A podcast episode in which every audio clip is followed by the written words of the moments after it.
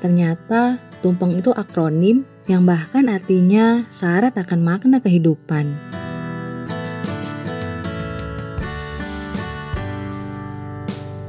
Tumpeng adalah singkatan dari bahasa Jawa yang metu kudu mempeng. Artinya, ketika keluar rumah harus sungguh-sungguh dan penuh semangat.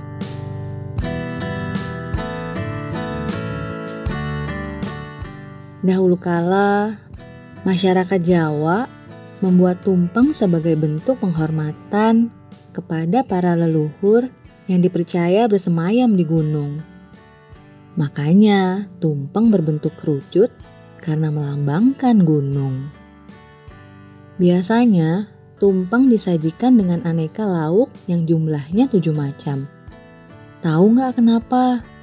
Karena dalam bahasa Jawa, angka 7 disebut pitu, yang bisa diartikan sebagai pitulungan atau pertolongan.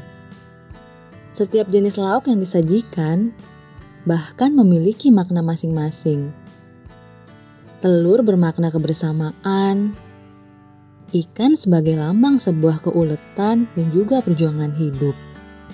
Sementara ayam merupakan simbol untuk menghindari sifat jelek seperti sombong dan juga ingin menang sendiri.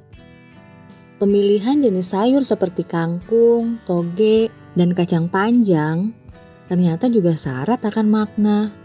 Jenis sayuran tersebut dimaknai sebagai pelindung dan pertimbangan yang baik dalam memilih segala sesuatu.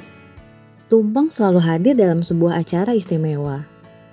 Biasanya, Tumpeng dipotong bagian atasnya dan diserahkan kepada orang yang penting dalam acara.